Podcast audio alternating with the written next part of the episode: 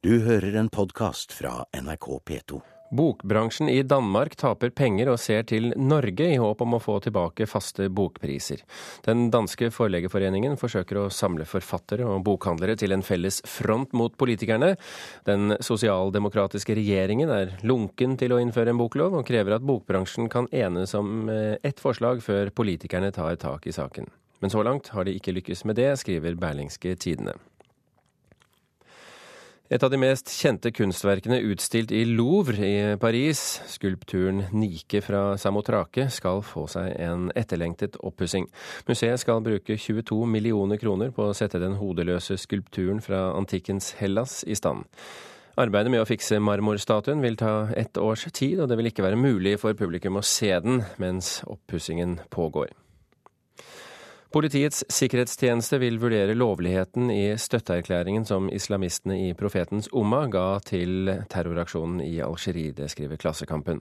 Søndag erklærte lederen for gruppen, Ab Ubaydullah Hussain, sin støtte til gisseltakerne på sin Facebook-side. Og informasjonssjef i PST, Martin Berntsen, sier utsagnene vil bli vurdert for å se om det er noe straffbart i dem.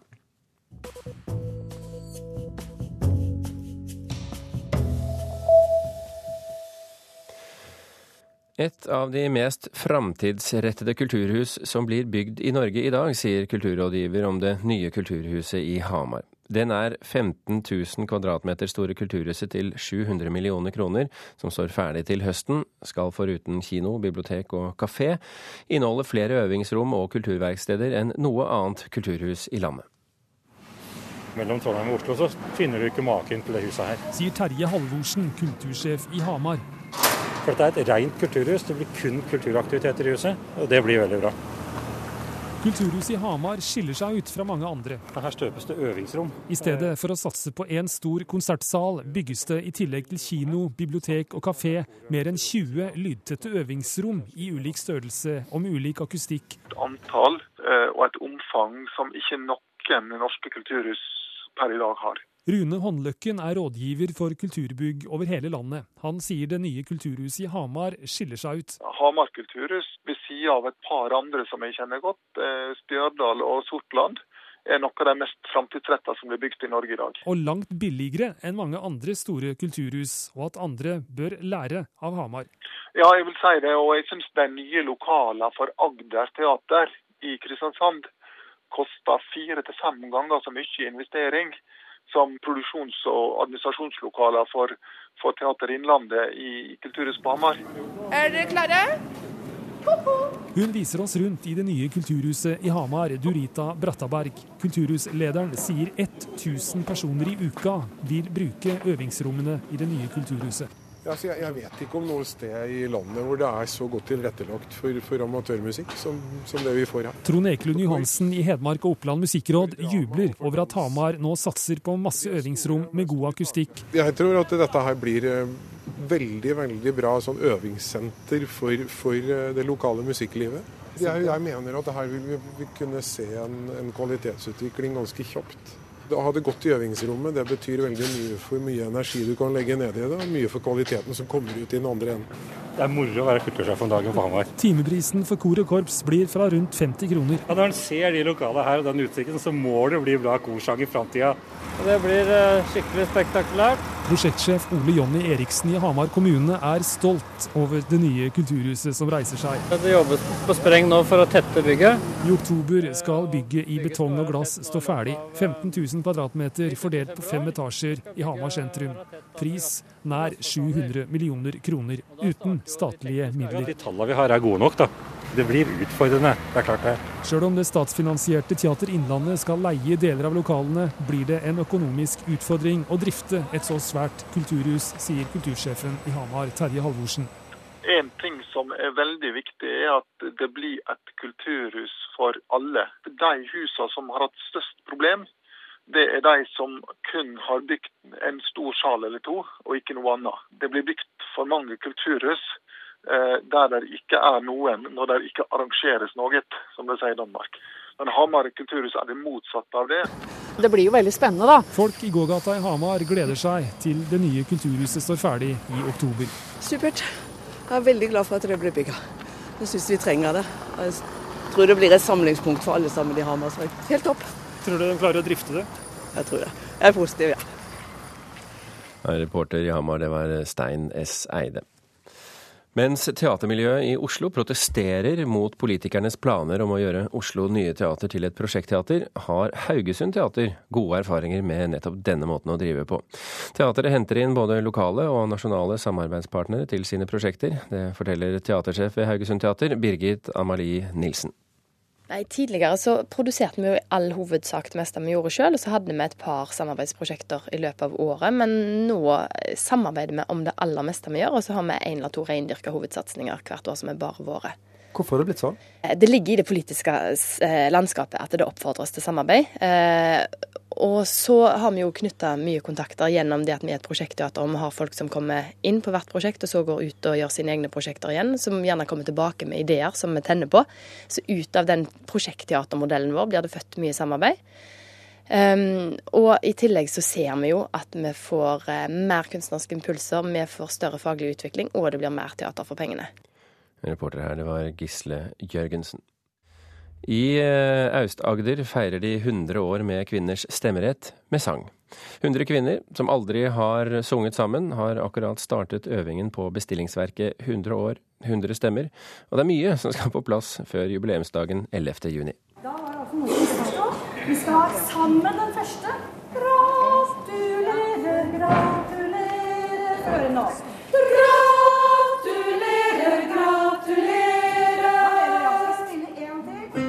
Det er mye å ta tak i for dirigent Ellen Kristine Mordal.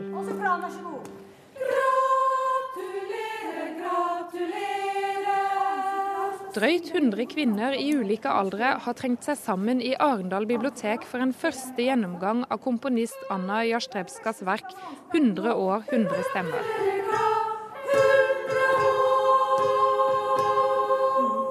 Kvinnene har aldri sunget sammen, men 11.6, på dagen 100 år etter at kvinner i Norge fikk stemmerett, skal koret holde en konsert i Arendal kulturhus. Der skal Jastrepskas verk urfremføres. Og verket er vanskelig, sier dirigent Mordal. Det er forholdsvis vanskelig, men det er laget sånn at eh, de vanskelige tingene kan liksom gå over i hverandre pga. at stemmen kan huske forrige tone og sånn. Det har komponisten tenkt veldig på siden det skulle være få øvelser, og vi visste ikke hvem som meldte seg på.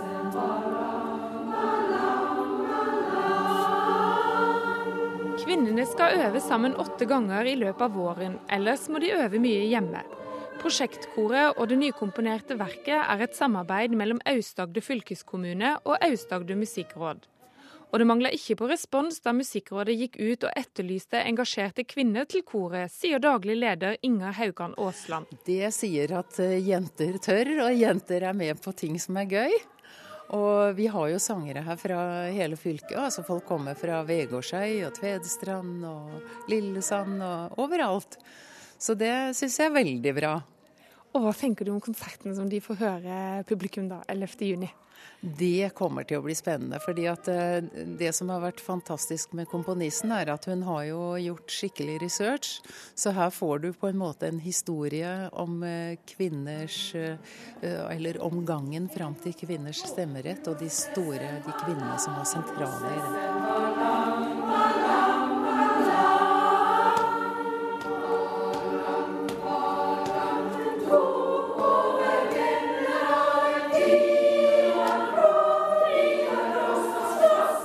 Jeg syns jo at eh, selve verket er veldig lærerikt. For det, veldig, det, handler veldig mye om selve prosessen. Så det er ting der som jeg aldri visste om, som kommer frem i teksten. Og Hva slags kvinner er det som er med? Det er kormennesker. Noen har sunget fra de var små, og noen har sunget for lenge siden. Så det er meste De må ha sangerfaring for å være med, rett og slett. For ellers er det for vanskelig. Og ingen menn er med i dette prosjektet overhodet? Nei, ikke tale om! Nei, det er jo litt av poenget da, ikke sant. Mm. Prosjektet i Aust-Agder har smitta, så nå er de i gang med lignende stemmerettskor også andre steder i landet, sier Inger Haugan Aasland. Jeg vet at uh, på Hedmark så uh, har de forespurt oss om prosjektet, og de har lyst til å sette i gang noe lignende på Hamar, tror jeg det blir.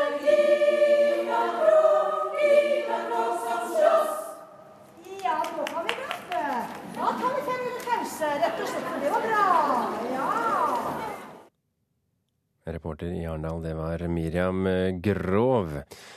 Den eh, sosialrealistiske filmen 'Eta sova død' var fjorårets beste film i Sverige. Det ble klart under eh, utdelingen av den svenske filmprisen Gullbagen i går kveld. Filmen fikk flest priser, inkludert beste regi og beste kvinnelige hovedrolle. Den omstridte filmen 'Call Girl', som er beskyldt for å fremstille Olof Palme som bordellgjest, hadde på forhånd fått flest nominasjoner. Det ble imidlertid mest tekniske priser på den, for beste lyd, foto, scenografi og kostyme. Benny Andersson fikk pris for beste musikk til Palme, den biografiske filmen Sveriges, om Sveriges tidligere statsminister. Den fikk også pris for beste klipp. Mange kjenner Ingar Helge Gimle fra filmens verden, andre fra TV, men de fleste vil nok nikke gjenkjennende og tenke på teaterscenen når de hører hans navn. Nå er han tilbake på Trøndelag Teater i hovedrollen eh, på Arthur Millers En handelsreisendes død. Nå må du la meg snakke ferdig, da! Du skal ikke bruke den tonen til mor. Var det ikke jeg som snakket, kanskje? Jeg finner meg ikke i at du bruker den tonen til mor. Nei, det er kanskje du som bestemmer her i huset. En liten scene fra prøvene på En handelsreisendes død, som ganske så snart har premiere på hovedscenen ved Trøndelag Teater. For hovedrolleinnehaver Inga Helge Gimle kjennes det godt å være tilbake i teatret han debuterte i for 28 år siden. Det føles altså så godt. Det var her det hele begynte i 1985. vet du. Her kom jeg med min gamle folkevogn 1303 S oransje over fjellet en maidag i 85. Jeg har fått jobb av Otto Omland. Han ringte meg og sa ja, Ingar, du får komme deg på Trøndelag Teater. Så begynte fire års fest, da. Ja. Hvilke stykker er det du husker spesielt godt eh, fra den tiden? Jeg husker veldig godt eh, Per Gynt. da, med, Vi hadde fem forskjellige Per Gynter som Terje Mærli satte opp, med Per Egil Aske som den unge Per Gynt og Joakim Kallmeier som den gamle Per Gynt. Så husker jeg godt Brann, hvor det var liksom vår kjære Hildegunn Eggens store gjennombrudd som Agnes, og Ståle Bjørnhaug, som begge kommer fra Verdalen. Og jeg spilte Einar, og det er også sånn stort å minne, da. Og så første, selvfølgelig debuten min da, med Vaclav Havel, som ble tsjekkisk president. Han skrev et stykke som het 'Largo Desolato', som handlet om en dissent som han selv var, som ikke fikk lov å komme ut av leiligheten sin, som bare satt og skrev. Halbjørn Rønning og jeg vi spilte to sånne morsomme papirgutter som stjal papiret på der vi jobba. Dopapir alt for at han hadde, skulle ha noe å skrive på. da. Det var kjempegøy. Det husker jeg veldig godt. Og du, du har jo til og med vært konge du på Stiklestad? Vært konge på Stiklestad i 1994. Den dårligste rytteren som har vært på Stiklestad-spillet, har jeg fått høre både før og etter. Men når jeg kom meg ned på bakken ganske fort, så gikk det bra. Og det var en stor opplevelse. For det var, det, det var i 94, og da var det altså det fineste været som har vært på Stiklestad noen gang. Så vi hadde 35 grader og sol hver dag. Men det var liksom 8 10 000 mennesker der hver dag. Det var en stor opplevelse for meg. altså. Ja, for du, du har jo en, vi var jo inne på det, du har jo en utrolig erfaring eh, både fra, fra, fra film og, eh, og scene. Og, og, og komedie. Og så kommer du inn i dette fantastiske stykket, altså 'En handelsreisendes død' av Miller. Um, hvordan klarer du å omstille deg? Ja, nei, det, det, altså Manuskriptet er jo så flott. Altså, du liksom, du, vi har jo brukt hele prøvetiden på når vi, når vi, sånt, når vi snakker om et sånt stykke og leser et sånt stykke, så kommer vårt eget liv på en måte imot deg. da. Min egen far kommer imot meg, min egen bror, min egen mor. Alle de feilene man selv har gjort, alle de svikene. Alt dette kommer jo til en. For det handler jo egentlig om en drøm som går i som brister, altså en familiedrøm, den amerikanske drømmen om å lykkes eh, materielt, lykkes med kjærlighet. Ingenting av det lykkes på en måte for han, da. Selv om han tror at det lykkes, så får han møte han jo seg selv i døren. Og det gjør vi jo alle sammen før eller senere i livet. Jeg har møtt meg sjøl i døren hele tiden. Og, og, da kommer det alle disse tingene opp. Og da gjelder det å bruke sine egne smerter da, og egen erfaring for sine egne tapte ting. Altså, evig eies kun det tapte, som Ibsen sier. Altså, alt det som er borte, det eier vi på en måte i oss. Det må vi leve med. Dette ble jo skrevet i 1949. Hva har du å si til oss i dag, syns du? Jeg syns det er veldig aktuelt, fordi det handler litt om den derre depresjonen som på en måte gjenspeiler altså litt før, Det ble jo skrevet i 49, men det som den tiden før, da, med at eh, massearbeidsløshet eh, Menneskene finner ikke noen plass lenger. Er ikke noe, alt er blitt nytt. Den nye verden kommer. Eh, det kan vi jo se i dag. Hele Europa. Det er 60% i Spania som er under 30 år som ikke har jobb. Det kalles den tapte generasjon. Alt dette gjenspeiler mye av disse drømmene vi har som overhodet ikke stemmer med virkeligheten. Da. Og jeg syns det er altså helt up to date. Da. Og familier som blir, eh, må kjempe for å holde sammen. Alt det som er der ute som glitrer, som vi har lyst på, som vi ikke kan se hvem som står ved siden av oss. Vi ser ikke barna våre lenger, vi dytter dem bort. og Vi er på vår egen lille jordklode alle mann. Det er et veldig aktuelt stykke, altså, for å si det mildt. Ja, Da er det jo egentlig bare å ønske tvi-tvi, da. Tvi-tvi. Jeg gleder meg som et barn og gruer meg litt, men mest gleder meg. Ja, det sa Ingar Helge Gimle, som har hovedrollen i En handelsreisendes død. Og i kveld har han premiere på Trøndelag. Teaterreporter, det var Jan Rye Ravnestad. Kulturnytt nærmer seg eh, slutten. I dag har du bl.a. kunnet høre at svenske samer protesterer på markeringen av samefolkets dag i Göteborg 6.2, fordi en ikke-same står for joikingen. Skal jeg stå bredvid og titta på då og höra når han skal lære oss samer hur vi, vi Nå skal vi lære lappen och jojka. Ja, det sa Ola Stinnebom til oss i dag. Kulturnytt fikk du takket være bl.a. Hane Lunås, Gjermund Jappé og Birger Kolsrud Aasund. Du har hørt en podkast fra NRK P2.